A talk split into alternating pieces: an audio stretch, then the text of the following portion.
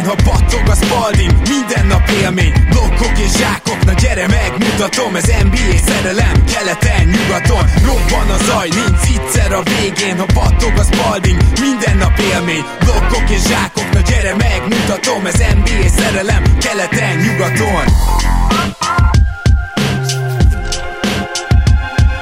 Szép jó napot kívánok mindenkinek! Rédai Gábor vagyok, ez pedig itt a Keleten-nyugaton podcast, és mint mindig most is itt van velem Zukály Zoltán. Szia Zoli! Szia Gábor, örülök, hogy itt lehetek. Sziasztok! És Szerintem amivel kezdenünk kell, az az, amit pénteken kiírtunk, és hát egészen elképesztően örülhetünk neki, hogy már micsoda reakciók jöttek, de erről majd később. A lényeg az, hogy a Patreonon, amit mondtunk, hogy szeretnénk felköltözni, szóval ez megtörtént, és a Patreon per keleten-nyugaton oldalon megtaláltok minket. Minden részletet azt meg fogtok találni ott az oldalon leírva is, videós formátumban is. A lényeg az, hogy mióta, péntek este óta azt hiszem, péntek este óta mióta kint van ez a poszt, azóta már 26-an, vagy nem is csekkoltam, csak most reggel, gondoltátok úgy, hogy, hogy támogattok minket, pedig ez még el sem hangzott podcastben, úgyhogy egészen elképesztően köszönjük mindannak, aki tényleg komolyan gondolja ezt, hogy szeretne minket támogatni, és már korábban említettük azt, hogy ez nekünk is mennyire nem csak jól esik, hanem fontos is, a függetlenségünket is jelenti, úgyhogy itt megtaláltok, és aki szeretne, az természetesen tud támogatni, azt viszont itt is elmondanám, hogy ezért cserébe minden hónapban egyelőre azt beszéltük meg Zolival, hogy kisorsolunk egy keleten-nyugaton kártyát, ami egy ilyen 15 perces műsoridő gyakorlatilag, vagy a vendégeink lehettek, tehát a nyertes, vagy pedig ha nem szeretne szerepelni, akkor megadhat egy témát, amit mi sebészi pontossággal kivesézünk. Akármennyire undorító ez a hasonlat, de ezen sokat törtem a fejem. És hát gondolom Zoli egyetértesz velem abban, hogy nagyon megható, meg, meg hatalmas köszi mindannak, aki eddig úgy gondolta, hogy megtisztel minket támogatásával. Inkább az inspiráló szót használnám, meg a meglepőt, mert megmondom őszintén, hogy én nem voltam abban, ugye beszélgettem sokat erről a háttérbe, ez, ez nem, ezt talán annyit elárultunk, hogy ez nem feltétlenül egy egyszerű döntés volt. Én magam, de egy igazából Gábor sem tudta, hogy, hogy, hogy itthon ez, ez mennyire működhet, vagy hogy egyáltalán van-e legitimitása, hogy ilyen szép szót használják, nyelvtan vagy. Úgy néz ki, hogy igen, és megmondom őszintén, hogy hogy én, én még egy ennél kisebb számú patronnak is nagyon-nagyon örültem volna, és nagyon-nagyon hálás vagyok nektek, de hozzátesszük, hogy természetesen azoknak is hálásak vagyunk, akik, akik nem fognak élni ezzel a lehetőséggel, senkivel nem fogunk értelemszerűen kivételezni, de mégis ez egy olyan visszajelzés nekünk is, ami legalábbis én onnan fogom meg, hogy, hogy tényleg ez egy, ez egy inspiráló visszajelzés, és szeretnénk még többek, még jobbak lenni a jövőben. Nem, nem csak emiatt teszem hozzá, egyébként is nyilván ez lenne a cél, de, de ez még inkább úgymond haza viszi ezt az üzenetet nekünk. Abszolút. Hát tegyem hozzá, hogy itt a függetlenség alatt a Gábor azt értette nyilván, hogy azt szeretnénk elkerülni, és ez, ez mindig így lesz, hogy, hogy ne legyenek ilyen reklámblokkok, mert itt a te nevedben is beszéltek szerintem, hogy, hogy az, az az, amíg, de hiába át lehet pörgetni persze, de, de nem akarjuk egyszerűen azt, hogy, hogy, ez, hogy ez standard legyen. Nem is vagyunk egyébként biztosak abban, hogy el egyáltalán reklámozók részéről lenne kereslet, de nem is akarjuk ezt megtudni, megmondom őszintén, mert, mert azért az, az tényleg az már egy olyan túlzás lenne, amit, amit soha nem szeretnénk úgymond ötlet szintjén sem feldobni, elgondolkodni rajta, és, és tényleg az, az a minőség rovására is menne, ami, ami nyilván a legfontosabb, hogy ezt elkerüljük. Így van, gyakorlatilag már most kijelenthetjük azt, hogy maximalizáljuk, tehát egyetlen egy névadó szponzorunk lesz, és amellett pedig talán egy támogató, elfér adásonként. De ez természetesen a jövő zenéje. Ha esetleg van olyan hallgatónk, aki azt gondolja, hogy szeretné a mi közönségünknek, ennek a közösségnek megmutatni azt a lehetőséget, amit ők kínál, akkor azt természetesen sokkal szívesebben fogadjuk, mint hogy mi hajkurásszunk cégeket, ami nem nagyon fog megtörténni. Így van, pontosan. És térjünk akkor most rá arra, hogy mi történt szerda óta az NBA-ben, hiszen ugye a free agent piac pörög, bár ez elég erős túlzás. Mert hogy, hogyha megnézitek, akkor gyakorlatilag az idei free agent piac érdeklődés és pénzhiányában elmaradt. Ez mondjuk lehetett rá számítani, amikor itt jósolgattunk, Zoli, emlékszel, mondtuk, hogy hát igen, elég száraz lesz a, a piac, és száraz lesz az egésznek a menete, mert gyakorlatilag a csapatok nagyon-nagyon kevés játékosnak szeretnének pénzt adni, és azoknak is maximum egy évre, akik itt két-három-négy éves szerződést kaptak, azok szerintem valamit nagyon tudnak, vagy valahogy nagyon találkozott a csapatnak a szükséglete, és a játékosnak a képessége. Így van, az mindenképpen teljesült, hogy, hogy úgymond ez a, ez a száraz sivatagi időjárás az, az beköszöntött, amit vártunk is. Itt nem volt pénzeső, és nem is lesz legközelebb, mondjuk azért jövő nyáron például már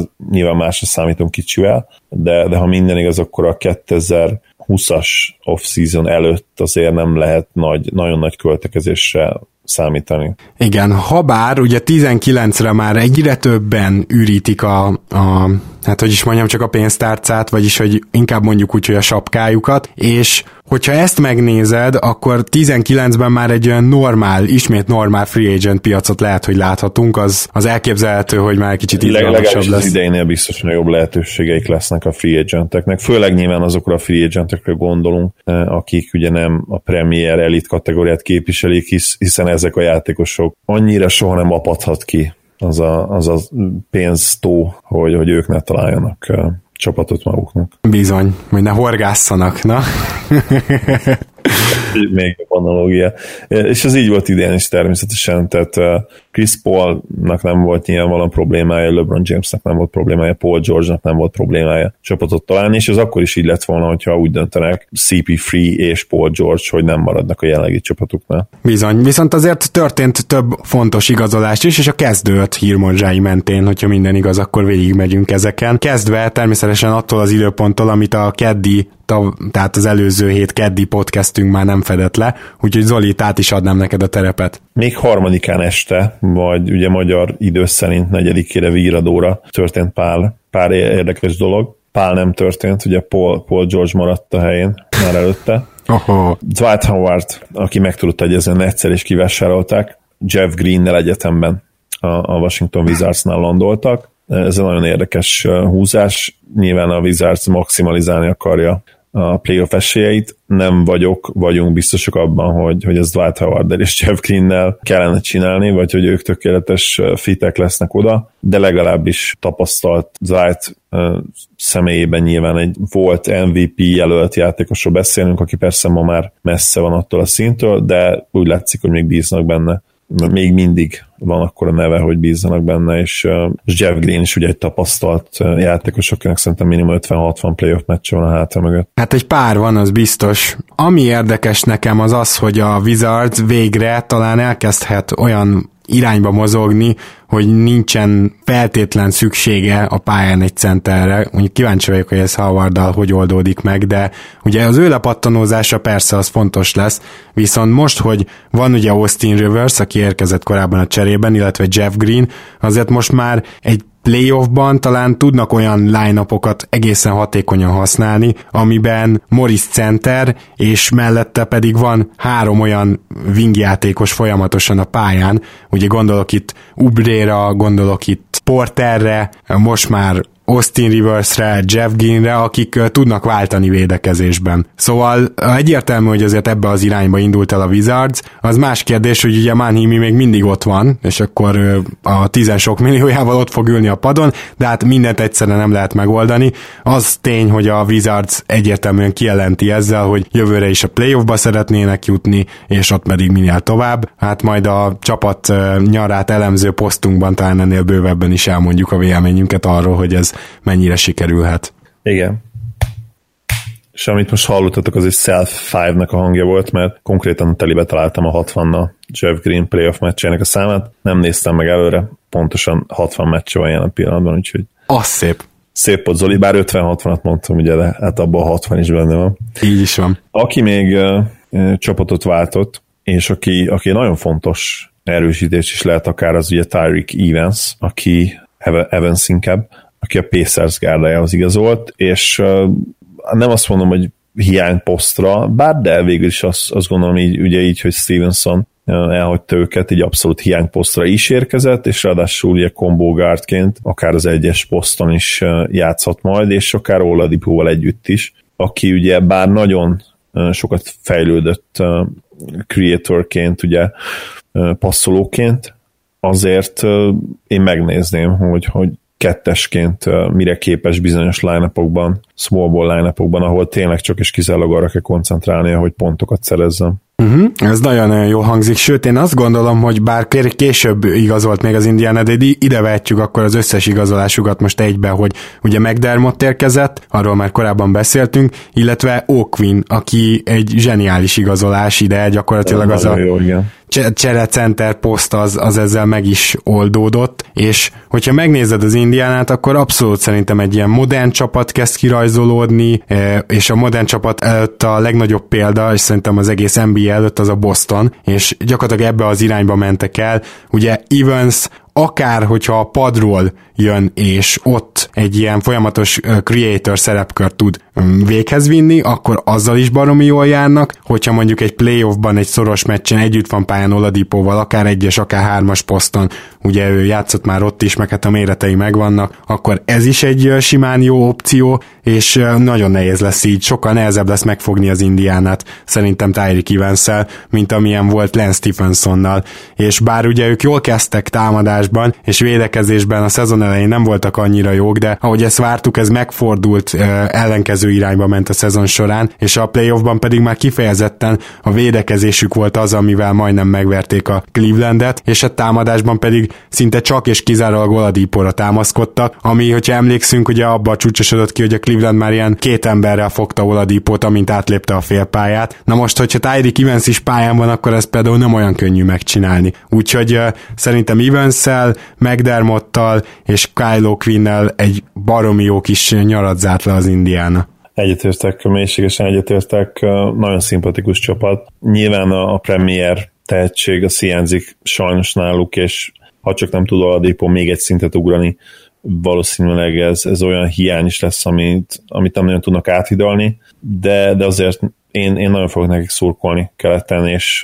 ha valamelyik csapat megérdemelni, hogy kicsit átírja az NBA szabályait, és úgymond csodát csináljon, azok egyértelműen ők lennének. Ez a bizonyos éjszaka, este Amerikában, amiről beszéltünk, más változásokat és vándorlásokat is hozott. Egy nagyon érdekes csere is megtörtént, ahol a Philadelphia Sixers cap space-szel tulajdonképpen bármilyen trade asset beáldozása nélkül magához tudta csábítani, át tudta venni Wilson Chandlert a Nuggets-től, akik így nem kevés mennyiségű dudvát fognak spórolni a luxusadóval. Azt gondolom, hogy mind a két oldalról meg kell nézni ezt. Egyrészt a Denver végül is azt nem tudta megcsinálni, hogy egy, egyáltalán rábeszélje bármelyik free agentjét, vagy hát inkább player optionos free agentjét, hogy free agent legyen, ugye mindenki belépett, és akkor innentől pedig lehetett tudni azt, hogy itt luxusadóba úsznak, tehát kénytelenek voltak valami hasonló cserét meglépni.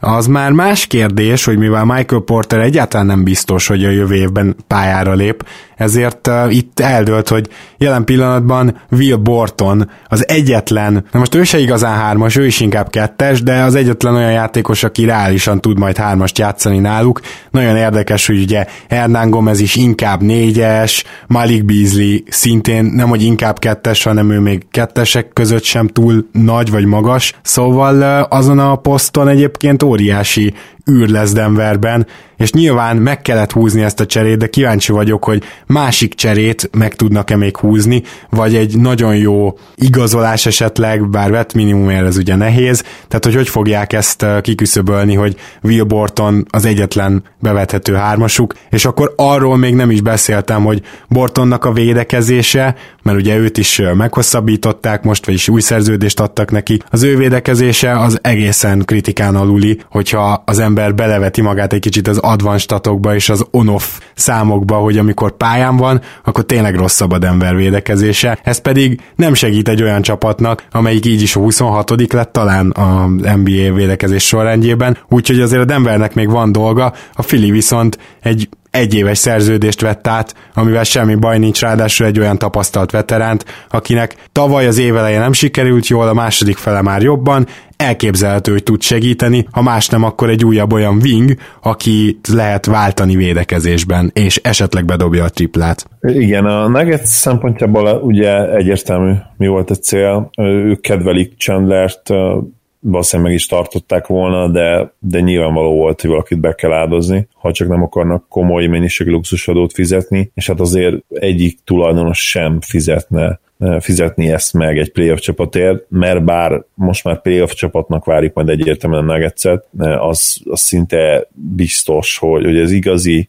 contenderek közé még a következő szezonban nem tudnak odaérni, és akkor ugye ott vagy, hogy, hogy a playoffért azért nem fizet 100 millió dollárt, Igen. Még, a, még a payroll-on túl, ugye, ami, ami szintén ugye 100, 130 millió, mennyi most? Hát a körül lehet, igen körül lehet, igen, a payroll. Úgyhogy az, az, az, egyértelmű volt, hogy ott valamit kell lépni, és én azt gondolom, hogy, hogy ez egy nem rossz húzás volt, én Wilson lehet egy picit túlértékeltnek tartom, ez mondjuk nem meglepő, rengeteg játékos tartok túlértékeltnek, mint tudjátok, de azt gondolom, hogy, hogy nála ez, ez tényleg így van. Ő egy ilyen old school játékos, aki, ki minden, mindenből tud egy picit hozzátenni, de az advanced például őt annyira nem szeretik. Hozzáteszem, hogy ez nem feltétlenül lesz akkora probléma a Sixersnél, mert mindig lesz fent mellette egy, de inkább kettő nálánál jóval tehetségesebb játékos is, és ami még fontosabb talán, hogy ott egy olyan rendszer van a pályán, ami működik védekezésben és támadásban is, és, és ez úgy érzem, hogy a Nuggetsnél nincsen meg, ugye Melon szerepéről nagyon sokat beszéltünk már a múltban. Igen. Egyébként megnéztem, 133 millió áll a Denver, úgyhogy egész jól tippeltünk. Tehát ezzel most 133 millió, az azt jelenti, hogy ugye 10 millióval vannak a luxus adóhatár fölött így is. Tehát azért érezzük, ugye korábban már beszéltünk erről, de azért néha nem árt ismételni a luxusadó, az sávos. Ez azt jelenti, hogy mondjuk mm, az első 5 millió után, most kicsit csak hasamra ütök, de majd pontosan is meg tudom nektek nézni, kifizetsz minden millió után, vagy minden dollár után még egy dollárt, de a második 5 milliónál már. 1,25-öt, és így megy szépen följebb. Uh, hát ez, ez a szívás a luxusadóban, és el tudjuk képzelni, hogy ha most 10 millióval vannak följebb, akkor Chandler talán 12-13 millió szerződése van, tehát hogy az még mennyi pluszt jelentett volna, amit ki kell fizetni, elképesztően sokat spórolt így is a Nuggets. Még egyszer, ilyenkor nem nagyon lehet mérlegelni, amikor a play vágysz, de azt, azt azért tudod, hogy contendert nem nagyon lehet építeni, illetve ha fejlődnek is a fiataljaid, ami nyilván a Nuggetsnél nem csak elvárás, de, de komoly realitás is, akkor is nehéz azt elképzelni, hogy ebben az egészen brutális nyugaton, amiről minden évben mondjuk, hogy mennyire brutális, és most a következő évben még, még új jelzőket kéne találni, mert nem tudom, hogy lehetséges lesz-e majd. Igen. De majd emiatt akkor aggódunk, amikor odaérünk, hogy elkezdjük az elemzéseket. Szóval teljesen értető, és, és én azt gondolom, hogy még a leghardcore Nuggets fanok is megértik, hogy miért engedték el a semmiért uh, Wilson chandler Viszont akkor már csak annyit még röviden hozzátennék, hogy ahány négyes van most ebben a keretben, azt kell, hogy mondjam, hogy én, én még egy cserét valahogy megpróbálnék. Tehát csak felsorolnám, hogy akinek a legjobb posztja a négyes, valószínűleg az Paul Millsap, Kenneth Ferid, bár nála azért lehetne vitatkozni, hogy esetleg az ötös, és ugye az egy lejáró. Darrell Arthur, Trey Lies és Hernán Gomez, és Tyler Lidon nem tudjuk, őt is inkább négyesnek írják. Tehát ez öt vagy hat, azért innen lehet cserélni. Hernán Gomez szerintem fog ugye erről vitatkoztunk már a múltban, szerintem ő fog tudni játszani, vagy tudna játszani kis csatárt, és azért Barton is, én azt gondolom. Nyilván mind a kettőnél ugyanaz a felmerülő probléma, ugye a védekezés, illetve hát az, hogy, hogy milyen line tudnak fellenni, de, de hogyha főleg, hogy a Beasley-vel ugye számolsz kettes poszton, ha esetleg még jobb, még több védekezésre van szükséged, bár nem vagyok egyébként abban egészen biztos, hogy egy, egy motivált Harris nincs esetleg Beasley szintjén, ott azért tudsz variálni összességében, és én nem, ebből a szempontból nem aggódom, tehát inkább itt a probléma nyilván az lehet, hogy hogyha Melon megint erőlteti a múltkor valaki írt egy jót erre, amit teszem a Facebookon, hogy a Twin, Twin Tower helyett mit használjunk. Szóval, hogyha erőlteti a két magasos, két centeres felállást, akkor lehetnek itt nyilván problémák alsó posztokon is. Nagyon remélem, hogy, hogy lesz szokik erről, de ugyanakkor nincsenek illúzióim, és, és a realitás az, hogy nem, nem fog leszokni róla. Hát igen. Na, akkor menjünk tovább. Negyedikén vált még biztossá, és akkor hallottunk ilyen híreket arról, hogy Devin Booker hosszú távon is marad majd a Phoenixben, azóta alá is írta ezt az 5 éves 158 millió dolláros szerződését, én azt gondolom, hogy erről röviden megemlékezhetünk, szinte biztos vagyok benne, hogy egyet fogsz érteni. Lehet, hogy ez most overpay, de a Phoenixnek nem volt igazából más választása, mint beajánlani ezt neki ezzel is jelezvén azt, hogy ők ténylegesen azt gondolják, hogy, hogy Bookerből legit franchise játékos lesz. Nyilván ezt felé már most is úgy kommunikálják, hogy, hogy ő már most is az. Ezt, ezt mi azért tudjuk, hogy ez nem így van. Igen. Ha legalábbis ugye a legnagyobb hasonlítod össze, de nyilván azért az, az egy unfair mérce valahol. Bookerben benne van az, hogy, hogy támadásban legit szupersztára válik, és a hatékonysága megmarad akkor is, amikor még nagyobb volumennel fog dolgozni. Nem tudom, hogy egyébként csapat rendszer, csapat struktúra szempontjából mennyire lesz ő jó fit, meg, meg mennyire lehet problémás az, hogy, hogy a legjobb játékosaid minimális védekezést mutatnak be. Booker hozzáteszem, hogy ezen a téren azért fejlődhet, illetve Aitonnak is nyilván megvannak azok a fizikai paraméterei, amely, ami alapján rácáfolhatna a, a sztereotípiára, illetve inkább a beskatujázásra, ugye nem sztereotípia, hanem őt azért beleraktuk ebbe a skatujába, hogy ő jelen pillanatban nem védekezik. Meglátjuk, hogy erre rá tud cáfolni az NBA-ben. Minden esetre érthető, hogy beajánlották ezt a szerződést, és nyilván Booker részéről még inkább, hogy alá is írta. Hát igen, tehát a jelen tudásunk szerint, aki már mutatott szupersztár potenciára utaló dolgokat, meccseket a Suns keretéből, most nem azt mondom, hogy önmagában a potenciál kiben van benne, de, de szóval ő az, aki ezt meg is mutatta, hogy benne lehet, úgyhogy tényleg nem volt más választása a Sunsnak. Igen, volt egy 70 pontos meccse, most eltekintve, elfelejtve azt, hogy ez hogyan hozta össze, azért az, az nem véletlen. Tehát 70 pontot még úgy is nehéz összegerebézni az NBA-ben, hogyha csak és kizárólag rád játszanak az utolsó negyedbe, és, és, a, és a cél már nem feltétlenül a győzelem ott, hanem az, hogy te minél több pontot betegyél a közösbe. Egyrészt, másrészt pedig én nekem az igazán érdekes az, hogy ő mennyire tud Harden útján haladni, mert ugye nyilvánvaló, hogy ő egy Harden típusú játékos felé kell, hogy fejlődjön ahhoz, hogy szupersztár legyen, és ezt elkezdte ezt a fejlődést, többet volt a kezében a labda, az assziszt számai is mutatják, azok is megemelkedtek, de ugye ez azt, azt a kérdést is felveti, hogy mi lesz neki az igazi posztja, milyen irányító kell mellé, tehát hogy ez még egyáltalán nincsen kész, és letudva ez a dolog, és nem tudom, hogy Oko, Okogi talán így mondják, nem tudom, az idei draftolt irányító ugye mennyire válik be, majd meglátjuk, de szerintem a Sunsnak van még ideje egy-két év, amíg ezt kikísérletezi, úgyhogy ez sem lehetett akadály, hogy előre megadják ezt a hosszabbítást. Ugye ne felejtjük, hogy Bukernek még egy évig az újon szerződéseket jeg. Így van. Buker egyébként saját magát ugye rendszeresen Kobihoz hasonlítja, az a minta, amit ő követni akar. És a stílus nézzük, nem is feltétlenül nyilván státuszt, vagy akár játéktudást, akkor, akkor láthatunk némi hasonlóságot, tehát ő is azért ez a pontra törő típusú játékos, ultra agresszív támadó játékos, aki nem, azért nem feltétlenül lesz az, aki tízszer oda fog állni a vonalra meccsenként, bár Briannek ugye volt olyan szezonja, ahol ezt megközelítette, de elsősorban azért Booker is a, a tempódobásával fog operálni. Én azt gondolom, hogy a, hogy a peak legjobb éveiben is, amikor 25, 26, 27, 28 éves, és azért tényleg fejlődött már playmaking terén is, passz minőségben is, illetve volumenben is, úgyhogy nem lehetetlen a dolog. Egyelőre nem ér meg ő messze ha, évi 30 millió dollárt, ez teljesen egyértelmű, az impact még nem igazán van ott a, számok mögött, de bőven van ideje, hogy ezen változtasson. Amiről beszélnünk kell még, szerintem nagyon jó kis igazolás, ugye Kevin Looney egy évre maradt a veterán minimumért a Warriorsnál, aggódtunk azon, hogy, hogy meg tudják-e tartani. Hát ja, aha, megtartották Kevin Looney-t, és még egy Demarcus Cousins is befigyelt, úgyhogy nem, nem kell aggódni azért a warriors ők, ők megoldják. Hát el lesznek, az biztos, és hát ez viszont azt mutatja nekem, hogy Looney-t nem nagyon kereste meg másik csapat, mert hogyha megkeresi, akkor szerintem egy Biennial is el lehetett volna hozni. Nem vagyok benne biztos, hogy itt Looney a klubhűségnek a nem tudom, mintaképe is azért áldozott fel itt 3-4-5 milliókat évente, hanem egyszerűen, mert ez egy ilyen piac, és ebben szerencséje volt a Warriorsnak, hogy meg tudta tartani. Így van, nem kérdés. Viszont az se kérdés, hogy nagyon-nagyon jól jön nekik ez, tehát tényleg, ha a kohézíra gondolunk, meg, meg a hatékonyságra simán el, látjuk magunk előtt azt, hogy ők ténylegesen jobb csapat lesznek jövőre, mint idén, mert erről beszéltünk már nem tudom, hogy ezzel egyetértesz de bármennyire röhelyes, vagy félelmetes, vagy bármilyen jelzőt találj, attól függően, függően hogy egyetértesz velem, ez egy down év volt a, a Warriorsnak, tehát nem hát. tudtak olyan jól játszani, ami egyébként bennük van. Mindenképpen ami már csak a sérülések miatt is, tehát már... Igen, és, és ez röhelyes slash félelmetes, hogy egy bajnoki címmel végződő szezonnal ezt el kell mondanunk, de tényleg azt érzem, hogy ez így volt, és még, még jobbak lehetnek jövőre,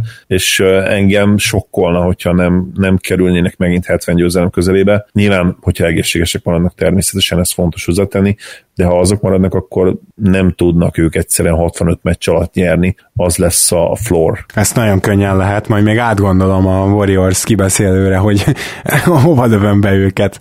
Akiről még itt érdemes beszélni, ugye két jazz újraigazolás, Dante Exum és Raunito. Főleg itt nyilván Exum az érdekes, akiről kialakult egy kisebb vita is a csoportban. Én nagyon pozitívan látom ezt a, ezt a három év 33 millió dollárt, ha jól emlékszem. Exumnak, Exum felé jelezte a Jazz, hogy nagyon bíznak benne, és bizony ez pont az összeg, ami, ami egyszerre kockázat, de ugyanakkor meg, hogyha, hogyha nyersz, és itt most a Jazz szemszögéből gondolkodok, akkor bizony ez egy bargain szerződés is lehet akár később. Igen, bár egyébként kezdem magamban annyiban leírni Exumot, mert én nagyon szerelmes voltam vele annál a draftnál, illetve még utána is, még az első sérülése után is azt mondtam, hogy ebből a sácból tényleg nagyon lehet valami. Én úgy érzem, hogy ő neki az a playmaking, az a magas szintű playmaking, amivel reálisan kezdő irányító is lehetne, az, az nem biztos, hogy meg lesz. A dobása az kezd egyébként összeállni, és nyilván nagyon nehéz, úgyhogy négy évből gyakorlatilag kettő és felett kihagysz,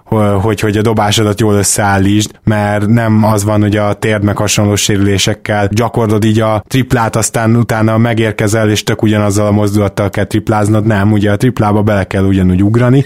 Igen, meg plusz nyilván el az a probléma, hogy ő alapban sem volt ez a, ez a jó kezű. Igen, igen. Az ő tempodobása egy ilyen félkész történet volt már a legelejétől kezdve, és mivel egy félkész volt, de nem tudta nagyon gyakorolni egészségesen, így ez le is ragadt kicsit neki ez a történet. Igen, viszont azt jegyezném meg, hogy ez a 11 millió a következő két évben szerintem egy cserélhető szerződés is lesz, tehát annyira semmiképp nincs túlfizetve, ha csak nem jön megint egy egyéves sérülés, simán, hogy ne lehessen Sőt, ez egy nagyon jó trade chip is lehet, ugye nyilván részben te is erre utaltál a cserélhető Igen. státusz szerződésnek. Ha mondjuk nagyon jól kezd el játszani, a következő szezonban, mondjuk ilyen 20-25 percben, simán azt is el tudom képzelni, hogy ezzel a szerződéssel része lehet egy olyan csomagnak is, amit egy olyan sztárért küldesz el, aki nem érzi jól magát abban a pillanatban, abban a csapatban. Bizony, bizony. Na és hát a Nétóról pedig röviden annyit, hogy igazából nem kellett sokat fizetni érte, és harmadik számú irányítónak az érő tökéletes. Igen, és szerinted a Michael Carter Williams tökéletes lehet csere irányítónak a Rocketsnál? Hát Hát nem tudom, mert most a Rakicnak mindenbe bele kell kapaszkodnia, amit minimumért elér, és hogyha Michael Carter Williams ilyen, és benne még nagyon óriási jó indulattal látunk valamit, akkor végül is nem egy rossz igazolás, én nem vagyok róla meggyőződve, hogy mondjuk egy, ne, ne lett volna jobb, mit tudom én, egy Mac, akit ugye kivágtak az Orlandótól, de hát ő tavaly volt, hogy kezdett. És nem azt akarom mondani, hogy ettől kezdő szintű játékos, de ő legalább megbízható, és egy jó kis csere irányító, aki tud védekezni. Hogyha más nem, legalább emiatt például inkább őt választottam volna. Igen, viszont azt meg tegyük hozzá, hogy idén nem nagyon volt irányítója a Rocketsnak, ugye? Hát nem igazán.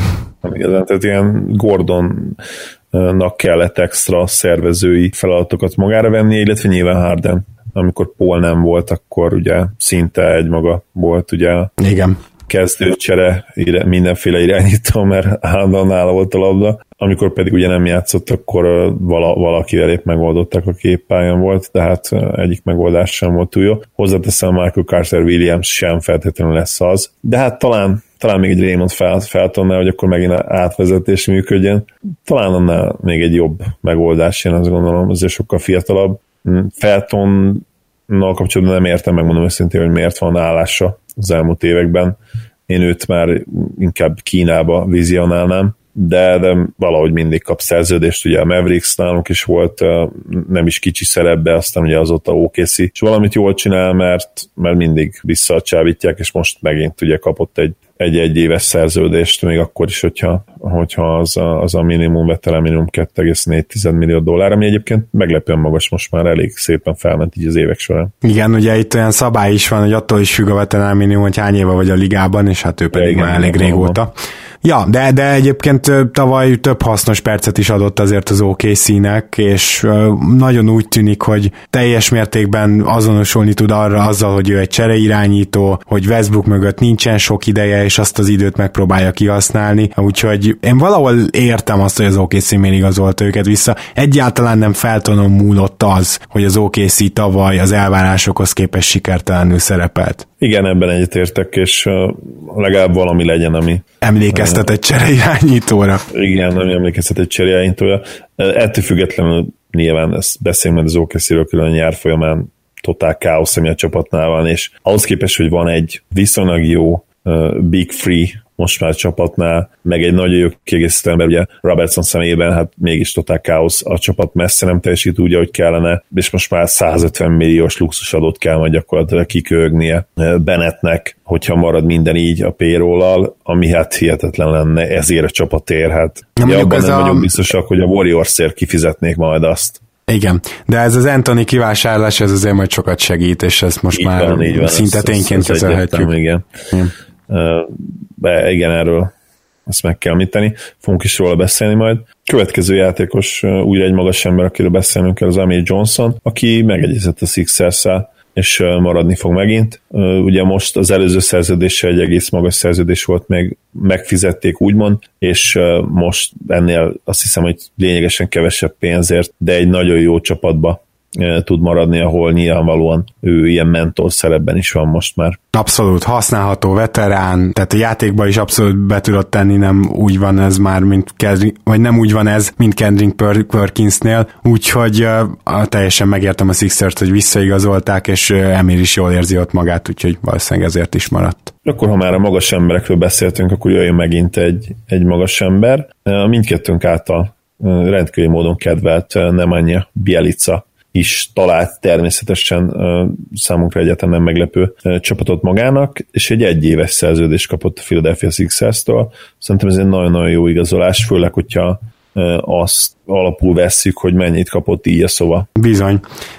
Én nem is értem ezt, hogy Belicáért. Én annyira összeházasítottam a jazzzel, hogy nem értem, hogy a jazz miért nem ment be érte azt se teljesen, hogy a Minnesota miért nem tartotta meg, azt viszont igen, hogy Belica esetleg miért akart elmenni a Minnesota-ból. Tehát itt nem arról volt szó, hogy ő mint restricted free agent kapott egy offert a Filitől, és azt nem meccselték, hanem konkrétan ugye a, a qualifying offert, amivel a restricted free agentedet megtarthatod, de ilyenkor be, ez egy kötelező összeg, mindenkinek ki van számolva, azt meg kell adni, és ezt visszavonta a Minnesota Timberwolves. Tehát gyakorlatilag azt mondták, hogy jó van, akkor mehetsz Isten hírével, vagy esetleg majd visszaigazolunk minimumért, de azért volt ajánlata, és nagyon-nagyon jó lesz ő Filiben. Láttuk azt, hogy milyen jól működött a playoffban az, hogyha akár Ilyasova együtt volt pályán Szaricsal, de minden esetre hogyha egymást váltják, akkor is az volt az érzésünk, hogy mindig van egy viszonylag jól dobó, magas ember, aki intelligens, jól passzol, és valamennyire pattanózni is tud. Ilyasova egyébként meglepően jó pattanózó, úgyhogy ezt mindig elmondom vele kapcsolatban. Na most Bielicától pedig alig várom,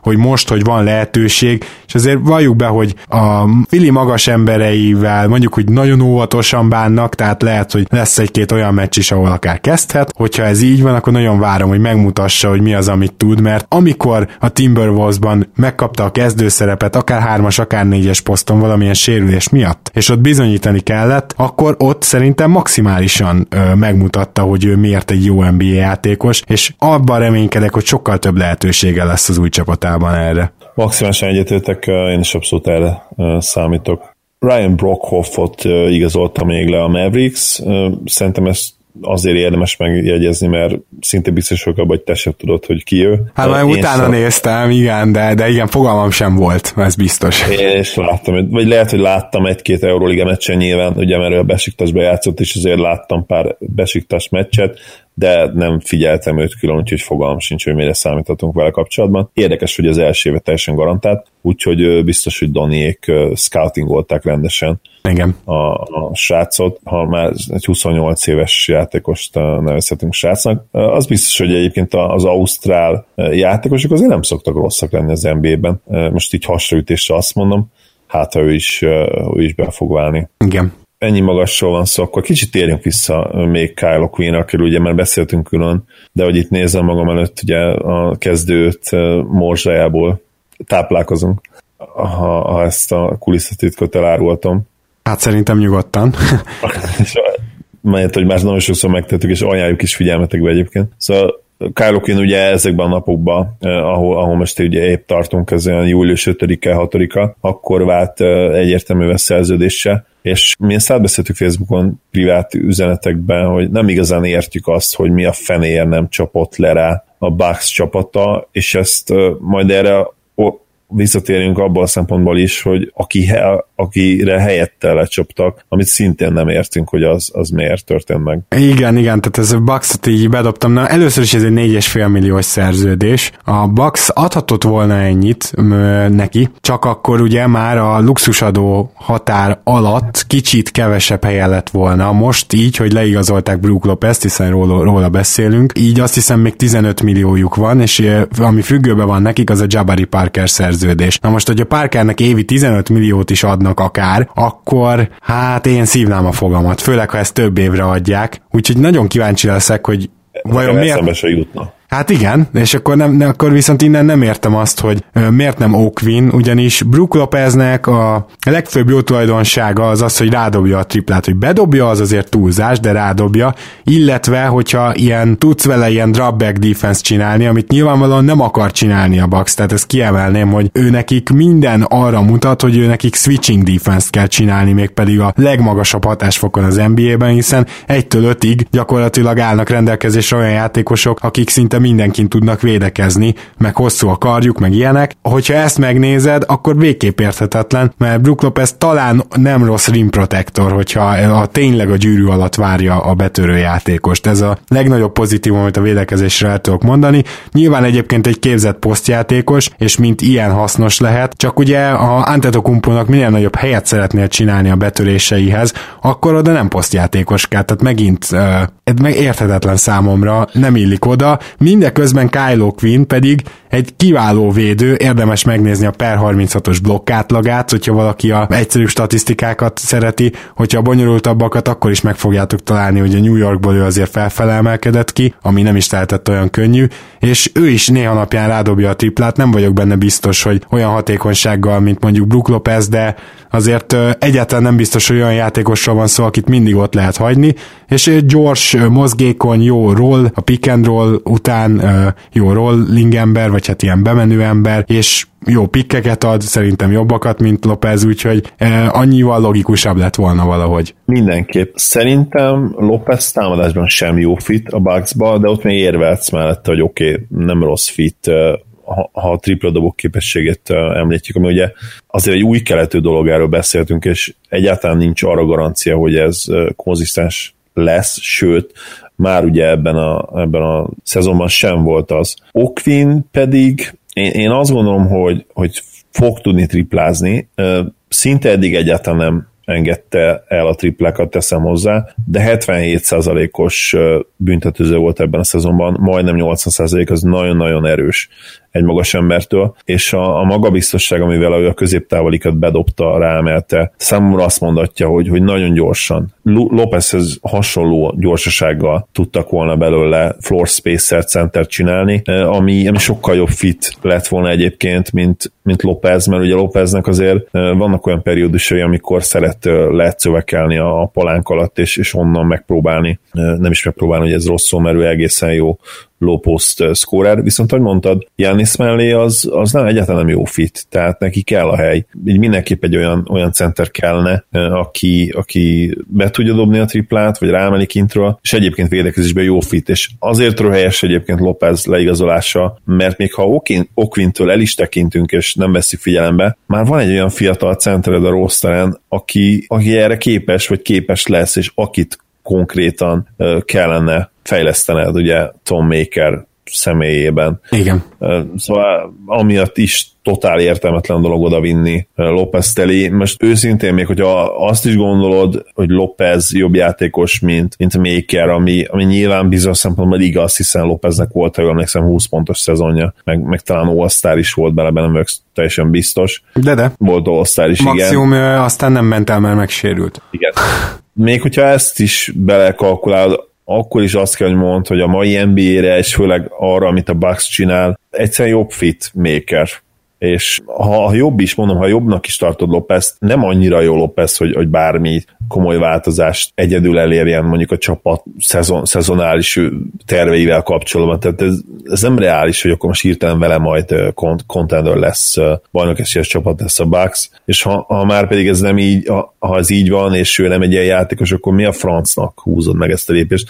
Oda visszad Maker elé is, illetve ha már mindenképpen veteránt akartál, és Makert úgymond visszatenni a, a cserecenter pozícióba, hogy még fejlődjön, még erősödjön, mert mondjuk úgy ítéled meg, hogy ez a szezon hát ebből a szempontból nem volt pozitív, az ő tanulási görbén nem olyan volt, amilyenek szereted volna, ami, ami reális és, és legit, mert valószínűleg tényleg így volt, de akkor meg vidd a Okvint, nem pedig Lopez, tehát totál értetetlen mindenféle szempontból ez feedbe is, életkorba is, pénzbe is szerintem. Lopez mennyit kapott így? Hát talán jól, de azt mindjárt megnézem, hogy mennyit kapott közben. Annyi gondolatot... nem rossz, de attól függetlenül ugye nem volt pénz nyilván rá, de, de akkor is feedbe, feedbe mindenképp megkérdőjelezhető. Igen, én pedig akkor csak annyi gondolatot tennék még ehhez hozzá, miközben itt látom, hogy valóban 3,3 milliót kapott, ez a biannual lesz, hogy Tom Maker ettől függetlenül lehet, hogy kezdő lesz, és Brook Lopez a padról jön, de ez nem sokat segít majd a Bucks. Én nem, szerintem berakják Lopez kezdőbe, remélem, hogy nem lesz igazam. Mm. Na, és hát akkor történt még egy pár dolog, akkor azon is szaladjunk végig. Főként ugye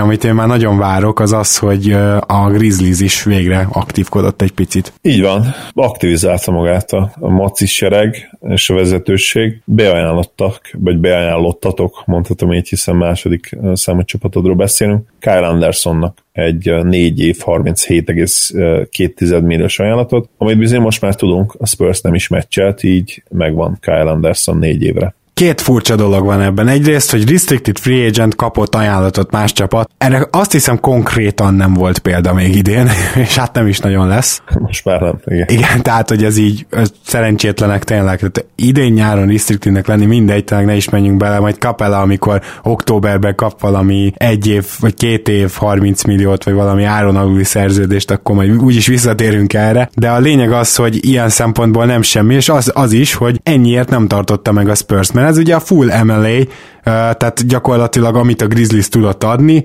és az négy évre a Grizzlies általadható maximum, vagyis 5%-os emelésekkel emelésekkel. Hát ez rohadt jól, mennyire egybecseng. Na mindegy. A lényeg a lényeg, hogy igazából azon érdemes elgondolkozni szerintem, hogy a Spurs vajon miért nem tartotta meg. Lehet, hogy tényleg csak a Popovics rendszer terméke Anderson, mert azért amikor a Real Plus Minus-ban így top 10-ben vagy, hova tovább második a ligában, akkor az azt mutatja nekem, hogy Anderson bizony tényleg egy baromi jó védő a lassúsága ellenére, és lehet, hogy ezért hasznos lehet a Grizzlies, Grizzliesnek is, ahol uh, ugye évekig probléma volt az, hogy nincs tripladobó a, legalábbis elég tripladobó a csapatban, és igen, Kyle Anderson nem jó tripladobó, viszont ha most felállnak úgy, hogy mondjuk Conley, Brooks, JJJ és Margazol, akkor gyakorlatilag Kyle Anderson lesz az egyetlen, aki nem tud triplát dobni. Így van, és ugyanakkor meg más dolgokat azért, azért hoz hoz a házhoz, és az igazság, hogy támadásban is azért nagyon sokat fejlődött. Most is nyilván egy olyan játékosról beszélünk, aki hát minimális alacsony volumennel dolgozik, de azért a mezőn százaléka hihetetlen szinten megugrott a negyedik évére, amit ugye most fejezett be, még mindig 24 éves csak, fizikailag jó adottságai vannak, nagyon hosszú kezek, jó magasság. Tudjuk azt persze, hogy, hogy olyan lassú, mint egy lajhár, de, de mégis mindig jó időben van jó helyen. Az megvan egyébként neked, hogy 66%-kal fejezett be a palánk alatt? Tavaly. Az kemény, nem? Nem tudtam ezt, de nem meglepő abban a szempontból, hogy, hogy iszonyú magas a kosárik, és nagyon hosszú kezei vannak. Ezt a kettőt összerakod azért, például már ugye eszedbe jutott egy, egy jó kicsis, aki szintén brutálisan jó százalékkal tud befejezni a gyűrű közelében, annak ellenére is, hogy hogy ugye nem a, leg, nem, nem a legatletikusabb játékosról beszélni finoman szóval sem. És tényleg egyébként Anderson minden, mindent jól tud, mindent jól csinál a tripla dobáson kívül, de az sem feltétlenül lehetetlen szerintem, hogy ő, hogy ő triplázzon, mert a százalékai azért, azért nem, nem voltak rosszak az elmúlt két évben. Más kérdés, hogy szinte alig emelt rá, ugye igen. triplát meccsenként egy kísérletesen volt, de amikor azért tök üresen hagyják, szerintem ő azért be fogja tudni azokat dobni a jövőben. Meglátjuk, hogy, hogy a Grizzliesnél ez összejön-e bár ebben a szempontból azért lehet szkeptikus, hiszen hogyha a Spursnél nem történt ez meg, akkor hol máshol történne meg. Na, nyilván azért a Spursnél is elvárták tőle, San Antonio-ban biztatták, hogy, hogy emelje rá azért ezeket időnként, és hát ott sem nagyon tette meg. Hát igen, kíváncsi leszek rá, hogy hogy fog kinézni így ez a Grizzlies, különösen, hogy egy másféle playmakinget hoz, mint amit Tyreek Evans hozott a padról, így hát viszont a pad lesz érdekes Grizzlies szempontból, hogy akkor ott most végre Szeldennek odaadják a kulcsokat, és akkor most is láthatjuk ugye Summer League-ben, hogy azért amikor Szelden pályára lép, akkor ott egy 20.6 assist, 20.6 lepattanó mindig befigyel. Nem tudom, lehet, hogy a Grizzlies padja messze a leggyengébb lesz a ligában ettől a húzástól. Kíváncsi leszek, hogy e- ezeket a dolgokat majd hogy oldják meg, de hát erről majd később beszélünk. Az biztos, hogy a Grizzliesnek ezzel elfogyott a helye, tehát most már nagyjából veterán minimumért tudnak csak igazolni. Igen, és nem is hiszem, hogy vannak konkrét célpontjaik ezen a ponton. Ők valószínűleg a keretet egy kész terméknek tekintik, és megnézik nyilván, hogy, hogy JJJ-vel, Conley visszatértével milyen szintre tudnak eljutni az első hónapokban majd. Az szinte egyértelmű, hogy, hogy nem fognak tankolni megint, már csak az új rendszer miatt sem illetve ha minden igaz, talán nem is biztos, hogy az övék a, a pick jövőre. Hát igen, top 8. Top 8 védett, igen. Ha már Spurs szóba került, nem csak Anderson veszítették el, hanem bizony a klub egyik legendáját is, Tony Parker, aki 16 szezon után, sőt, talán, talán még több, mert ugye Manuval volt közösen 16 szezonja, szerintem Parker picit elő, előbb érkezett a spurs ha nem tévedek. Nem tévedsz. Akkor az lehet, hogy 17 vagy 18 szezon is lesz Szóval majdnem 20 szezon után fogja francia ott hagyni a, a sarkantyúsokat. Nagyon fura, vegyes érzések keringenek bennem. Egyrészt nagyon-nagyon szürreális lesz Parkert másik mezben látni, és hát már a Twitteren elkezdtek terjedni ezek a vicces fotók, ami például ugye Patrick Ewing Sonics mezbe, vagy, vagy akár ugye Olajjúon Raptors mezben és hát ide sorolják be Parkert is most már, vagy nyilván MJ-t is, a nagy a MJ-t, minden idők legjobb játékosát Wizards mezben, ő is ebbe a kategóriába illik bele, és hát legyünk őszinték, jó esély van arra, hogy bizony Tony is megy, megy ide, mert nehéz elképzelni azt, hogy neki ezen a ponton lenne még annyi a tankban, hogy, hogy ő segítsen egy olyan csapatot, amelyik hát kimondva kimondatlanul, de még mindig azért győzelmekért fog pályára lépni. Már csak tényleg azért is kimondatlanul, mert csak azt elfelejtetted elközölni, hogy hova igazol és hogy mennyiért. Így van, köszönöm. Charlotte Hornets két évre 10 millió dollárért. Én azt hiszem, hogy a Hornet szempontjából annyiban érthető, hogy szerintem neki kifejezetten jól jön egy ilyen veterán a padra, ahol Kemba mögött évek óta keresik, gyakorlatilag Jeremy Lin óta keresik azt, hogy ki az, aki érdemben hozzá tudna szólni ez a csapathoz, és akivel nem esik össze a, a csapat abban a pillanatban, amikor lemegy a kezdő a pályáról. És Lin, tegyük hozzá, hogy egészen jó volt abban a szerepkörben, de nyilván ők együtt is meg, megpróbáltak ugye együtt is játszati Kembát és Lint még annó, de akkor épp nem tudta azért megközelíteni nyilván a, a Nix-es szintet, és hosszú távra azért nem volt megoldás. Hozzáteszem, hogy most azért, azért vannak olyan fiatalok, akik már végre konzisztensen tudtak teljesíteni, csak ugye nem irányító szerepkörben, hogy Jeremy Lambert érdemes kiemelni, aki egészen jó szezont hozott le, statisztikailag is, illetve én, én úgy gondolom, hogy játékban is, de, de hát nem, nem az a játékos ő sem, aki, aki tudná pótolni Kembát, amíg nincs fent, már csak azért sem, hogy sokszor együtt is játszanak. Parker nem rossz fit ebből a szempontból valóban. Itt nyilván az a kérdéses, hogy, hogy ezen a ponton mennyi benya maradt abban a tankban, ami hát azért már eléggé megviselt is, megütött, kopott, és Bizony. lehet, hogy itt ott ereszt is. Bizony. Akkor térjünk vissza magas emberekre, mert már régen beszéltünk róluk. Nurkic kapott bizony egy, egy egészen jó, én azt gondolom a mai piacon egészen jó ajánlatot a Trailblazers-től, amit, amit ő alá is írt el is fogadott négy évre 53 millió dollár én azt gondolom, hogy, hogy ennél jobbat sőt, hát valószínűleg ilyen ajánlatot sem kapott volna sehol máshol. Persze, ez teljesen egyértelmű. Én csak azt csodálkozom egy picit Nurkic szempontjából, hogy miért nem két éves ajánlatot harcolt ki magának. Azért 2020-ban valaki őt nagyon túlfizetné, ez meggyőződésem, úgyhogy lehet, hogy az egy fokkal még jobb lett volna neki, de egyébként... Főleg úgy, hogy itt a negyedik év részlegesen garantált, tehát ezt nem is nagyon lehet ugye négy éves szerződésre tekinteni, inkább ilyen három, meg kicsi, ami egy értékről beszélünk, és akkor már valóban onnan már talán nincs olyan messze ez a, ez a két éves. Lehet, hogy a karriere szempontjából jobb lett volna. Úgy látszik, hogy az ügynökével inkább a hosszú távú biztonságot azt, azt magasabb helyre rangsorolták a döntésnél, mint, a, mint az összeget. Viszont így már jobban érthető, hogy Ed davis miért engedte el a Portland. Nem is tudom, hogy volt-e majd, vagy, vagy majd még most jön, de az biztos, hogy ugye Zach Collinsnak valahogy most ebben az évben már kell a hely, játszania kell, és még így is messze túl sok magas ember van Portlandben, hogyha azt nézed, hogy itt azért a Portland Aminu, Aminuval négyesben volt igazán hatékony, és valószínűleg ezt a két magas emberes felállást ezt egyre kevésbé fogják erőltetni. Így van, és hát ez így is kell, nem szabad tényleg ezt a, ezt a játékstílus most már játszani mai NBA-ben. Alapszakaszban bizonyos meccsapokban nyilván meg lehet próbálni, de egy olyan playoff csapatnak, mint amilyen a Blazers, amelyik minden évben most már playoffba igyekszik, annak ellenére, hogy mi más, más sorsot jósolunk nekik, de azért konzisztensen ott vannak, nem szabad tényleg ezt ezt a old school kosárba beterültetni, mert egyszerűen nem működik a mai ligában. Hatodik a hír volt még, hogy, hogy az OKC nem tart most már igényt Carmelo Anthonyra. Ez a hír szerintem nem sokkolt minket, és az is teljesen egyértelmű, hogy hogy inkább a tulajdonos irányából érkezett, hiszen ezzel, hogy, hogy őt kivásárolják majd, vagy ugye megegyeznek, stretchelik, azt még nem tudjuk pontosan részleteket, mint egy 100 millió dollárt spórolt majd a csapat, ami hát nem kérdés, hogy, hogy, hogy előnyös, főleg úgy, hogyha be hozzáveszed, hogy Anthony jelen pillanatban kosárlabda szempontból sem hozott semmit, sőt,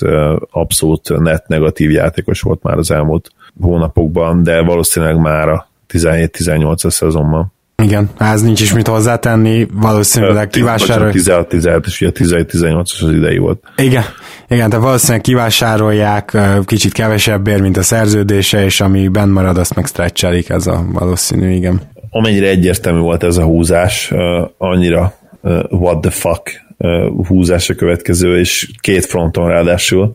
Biztos, hogy benne, hogy ezzel is egyet fogsz érteni a Kings nem lett volna Kings, hogyha, ha nem lett volna megint egy, egy trademark idióta húzásuk, ami idén az abban merült ki, hogy beajánlottak egy négy évre 80 millió dollárt Zach Levine-nak, ami bármelyik nyáron szerintem egy olyan ajánlat lett volna, ami, aminél a fejünket fogjuk, de hogy ezen a nyáron meg aztán végképp mennyire őrült ajánlat, amikor arról beszélünk, hogy jó játékosok, lehet, hogy Levine-nál nagyobb impact bíró játékosok ilyen 3 milliós biannual option-ért alá kell, hogy írjanak, és akkor kap egy évi 20 milliót ez a srác. Nem tudom, hogy mi betenyerhet bele, de, de lenne egy-két ötletem az ügynökével együtt. És akkor jön ez a sok, hogy úristen, mit csinált a Kings. Gondolom ezen a ponton már ünnepeltek a, a Bulls szurkolók, és aztán jött a hideg zuhany, képes volt a Chicago meccselni ezt.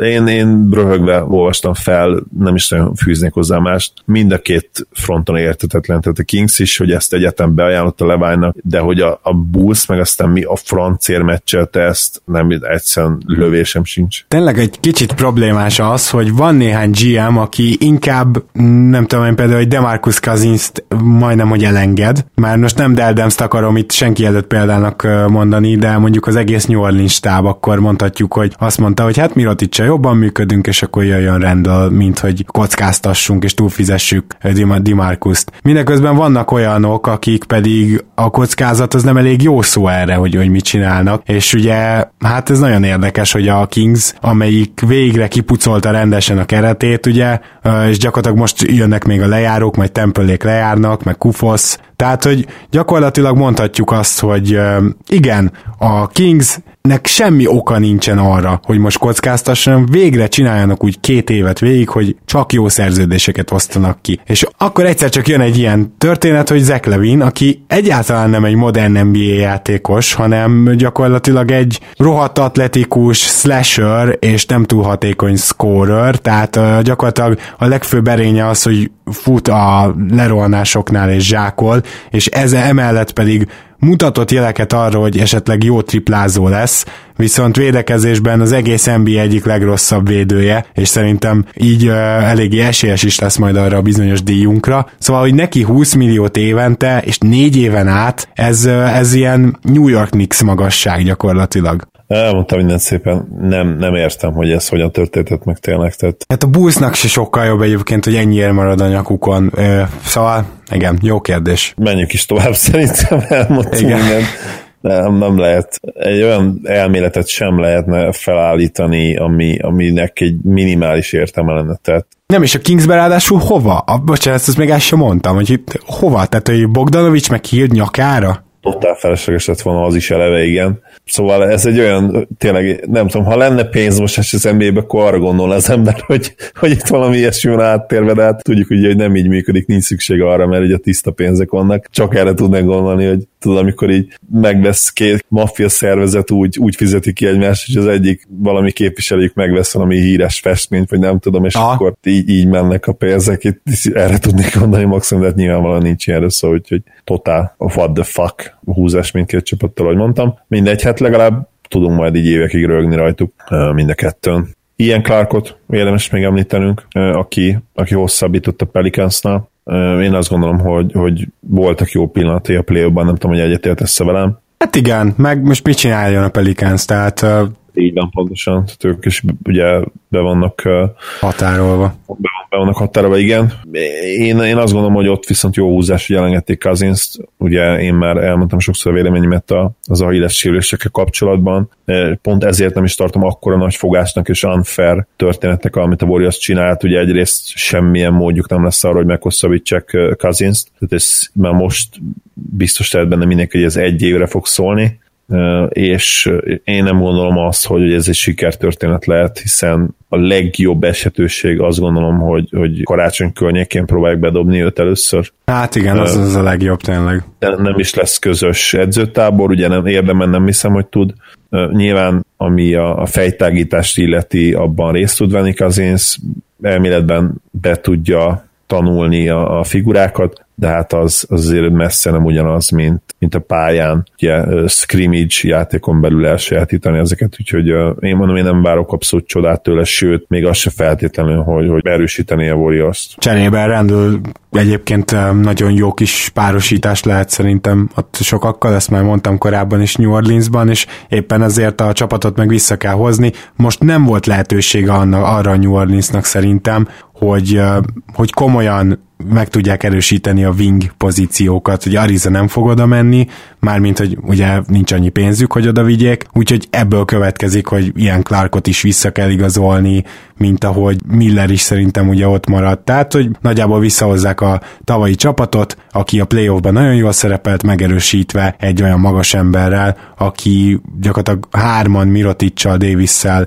le fogják tudni teljes mértékben fedni a, azokat a perceket, azt a kétszer 48 percet. Abszolút igen, és szerintem még tud fejlődni kicsit a Pels. Nem azt mondom, hogy, hogy felérhet a Warriors, vagy akár a Rockets, vagy akár az egészséges Celtics szintjére, de ilyen Dark Horse contendernek megint ott lehetnek akár. Azt se felejtsük el például, hogy Salomon Hill tavaly ugyan visszatért a végére, de full sérült volt, még sehol nem volt a kondíciója. Nem azt mondom, hogy ő milyen királyjátékos lesz, de ennél biztosan jobb lesz ő is, és többet tud majd hozzárakni. Abszolút igen, és uh, Mirotistól is nagyon jó szezont várok én, mint egyértelmű harmadik számú opció, most már majd pozitívan gondolkodnék, hogyha, hogyha Pelican szurkol lennék Nyilván az is még benne lehet, hogy, hogy Davis még egy szintet lép, mert most még azért az MVP szint alatt volt szerintem picivel, de, de jövőre akár, akár ezt az utolsó lépcsőfokot is megmászhatja.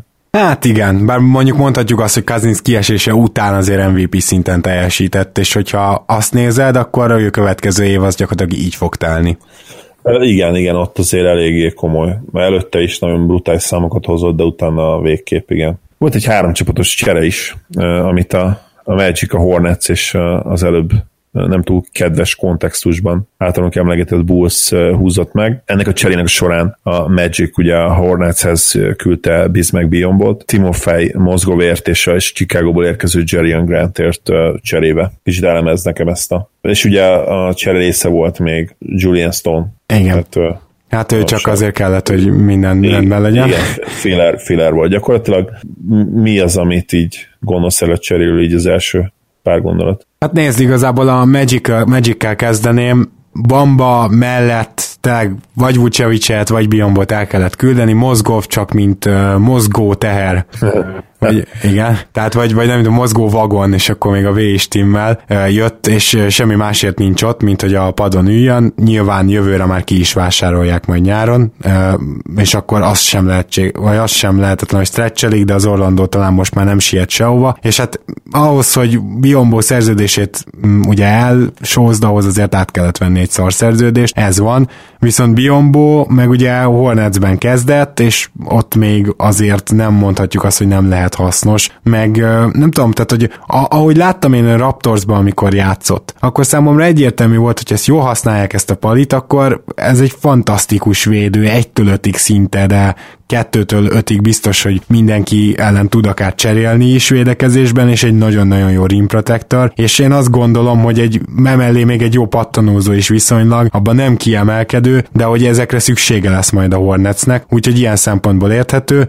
Hát Grantről én csak annyit mondanék, hogy igen, voltak egész jó meccsei a Bullsban, amikor kényszerűségből ő kezdett, de annyira szar mezőny százalékkal tolta azt is, hogy nagyon-nagyon kíváncsi vagyok, hogy ő bent tud-e maradni a ligában mondjuk két évnél tovább még. Én ő benne nem igazán látok semmit. A, egészen pontosan azért, mert a, a triplája sincs, meg a középtávolia sincs, meg egész jó betörése van, és nem passzol rosszul, ezt el kell ismerni, tehát lát a pályán, viszont azért ezekben kiemelkedőnek kell lenned a mai ligában, hogyha nem tudsz dobni. E, igen, a teste az megvan az NBA, ez teljesen egyértelmű, de, de készségben nem látok én se semmi olyat, ami, ami hosszú távon a mai NBA-be tartatná.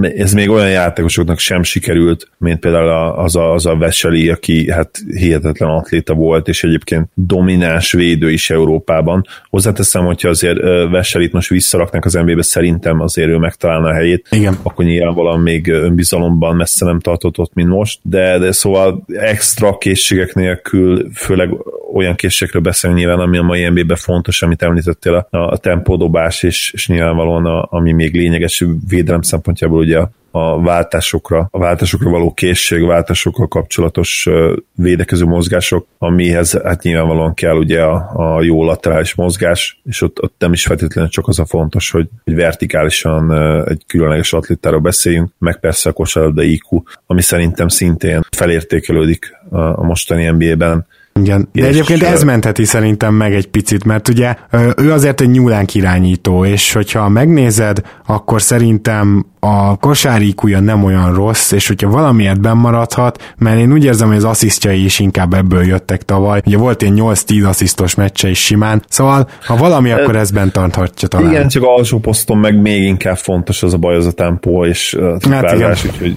hát nehéz. Ne, nehéz, igen. Csak akkor gyakorlatilag le is zártuk itt az előző hetet.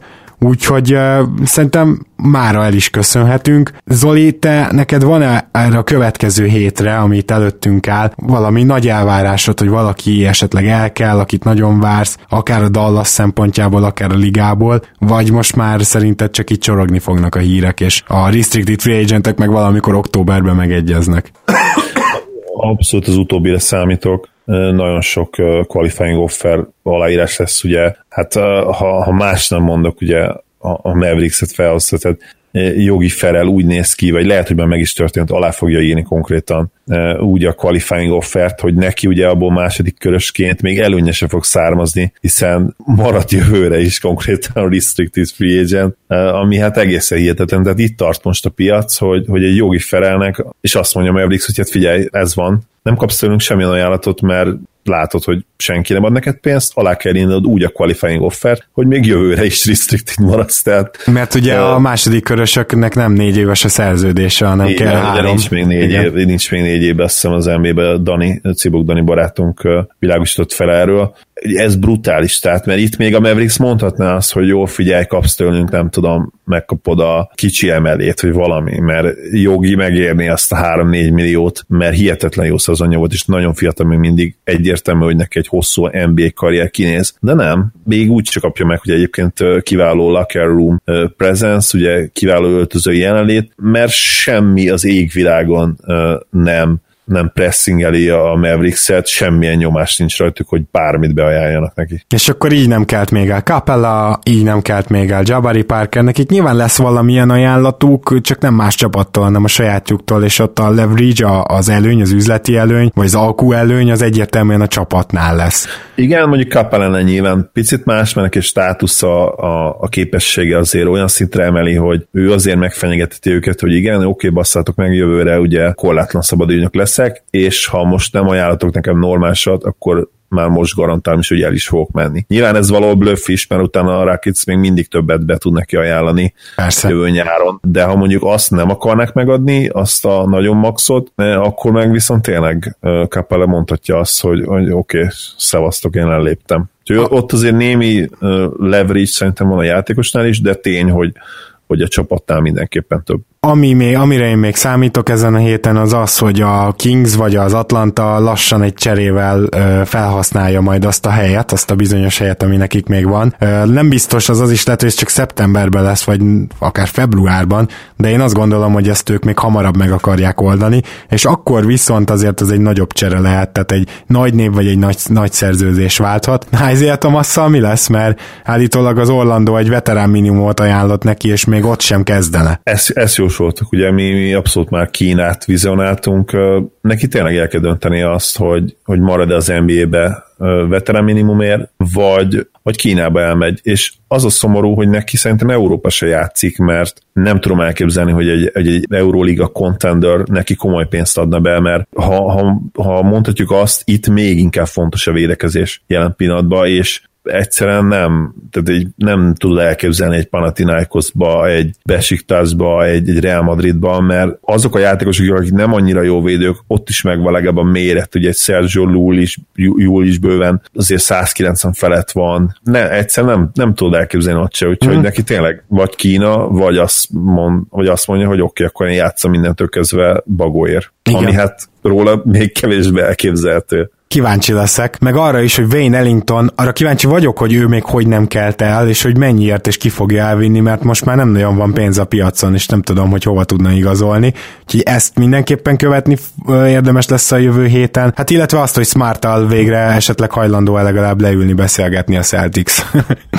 Igen, ez is egy jó kérdés. Őt se irigylem. Neki, neki se volt tényleg jó ötlet. Még hogyha Spacsani barátunk ugye védte is, hogy az az a nyilatkozat nem feltétlenül úgy volt, hogy ő, de hát csak kimondta basszus, hogy azért ő úgy érzi, hogy többet ér, mint 12, még ha hozzátett pár dolgot. De azért ez nem egy olyan szimpatikus, és ráadásul az, neki is tudnia kellett volna, hogy, hogy azt, hogy mennyit érsz, az a, a mindenkori piasztól is na, nagyon függ. Bizony. És hát tök mindegy, hogy a két évvel későbbi 2000, vagy akár a jövő évig 19-es piacon mennyit érne, hogyha most senkinek nincsen semmi pénz arra, hogy őt meghosszabbítsa. Úgyhogy kíváncsi vagyok, mert ő azért egy értékes játékos, és én most már meglepődnék azon is, hogyha Celtics beajánlana neki egy, egy több éves offer Megmondom miért, mert én úgy gondolom, hogy Stevensnek nagyon komoly inputja volt abban, hogy ők leigazolták Van Makert, és lehet, hogy ez furán fog hangzani, főleg NBA fanok számára, de nem, engem nem sokkolna az, hogyha Van Maker jobb játékos lenne, mint, mint az idei Marcus Smart. Ami mondom, tényleg lehet, hogy fura lenne számotokra, vagy szám, NBA fanok számára, mert ugye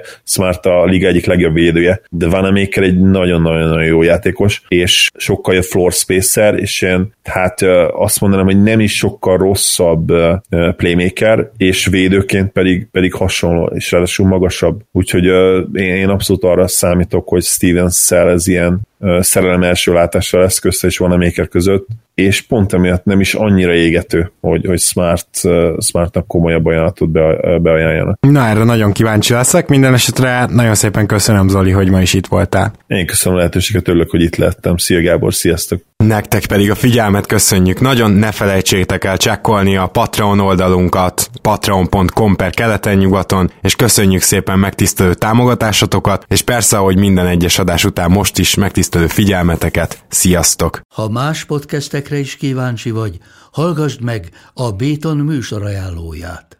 El tudod képzelni, hogy a podcastet, amit éppen most hallgattál, fél év múlva már a mesterséges intelligencia generálja? Mi sem. De ha érdekel, eljötte már a gépek lázadása. Hallgass bele az Embertelen podcastbe. Orsós Lajos vagyok, a műsor házigazdája. Egyelőre még élőben. Egyelőre. Fedezzük fel együtt, hogyan ismerkedik, randizik, mesél és vitatkozik Betty és Péter, két teljesen mesterséges intelligencia. Lajos, a podcast címét mond még egyszer, Léci. Oké. Okay. Embertelen podcast. Ez a műsor a Béton közösség tagja.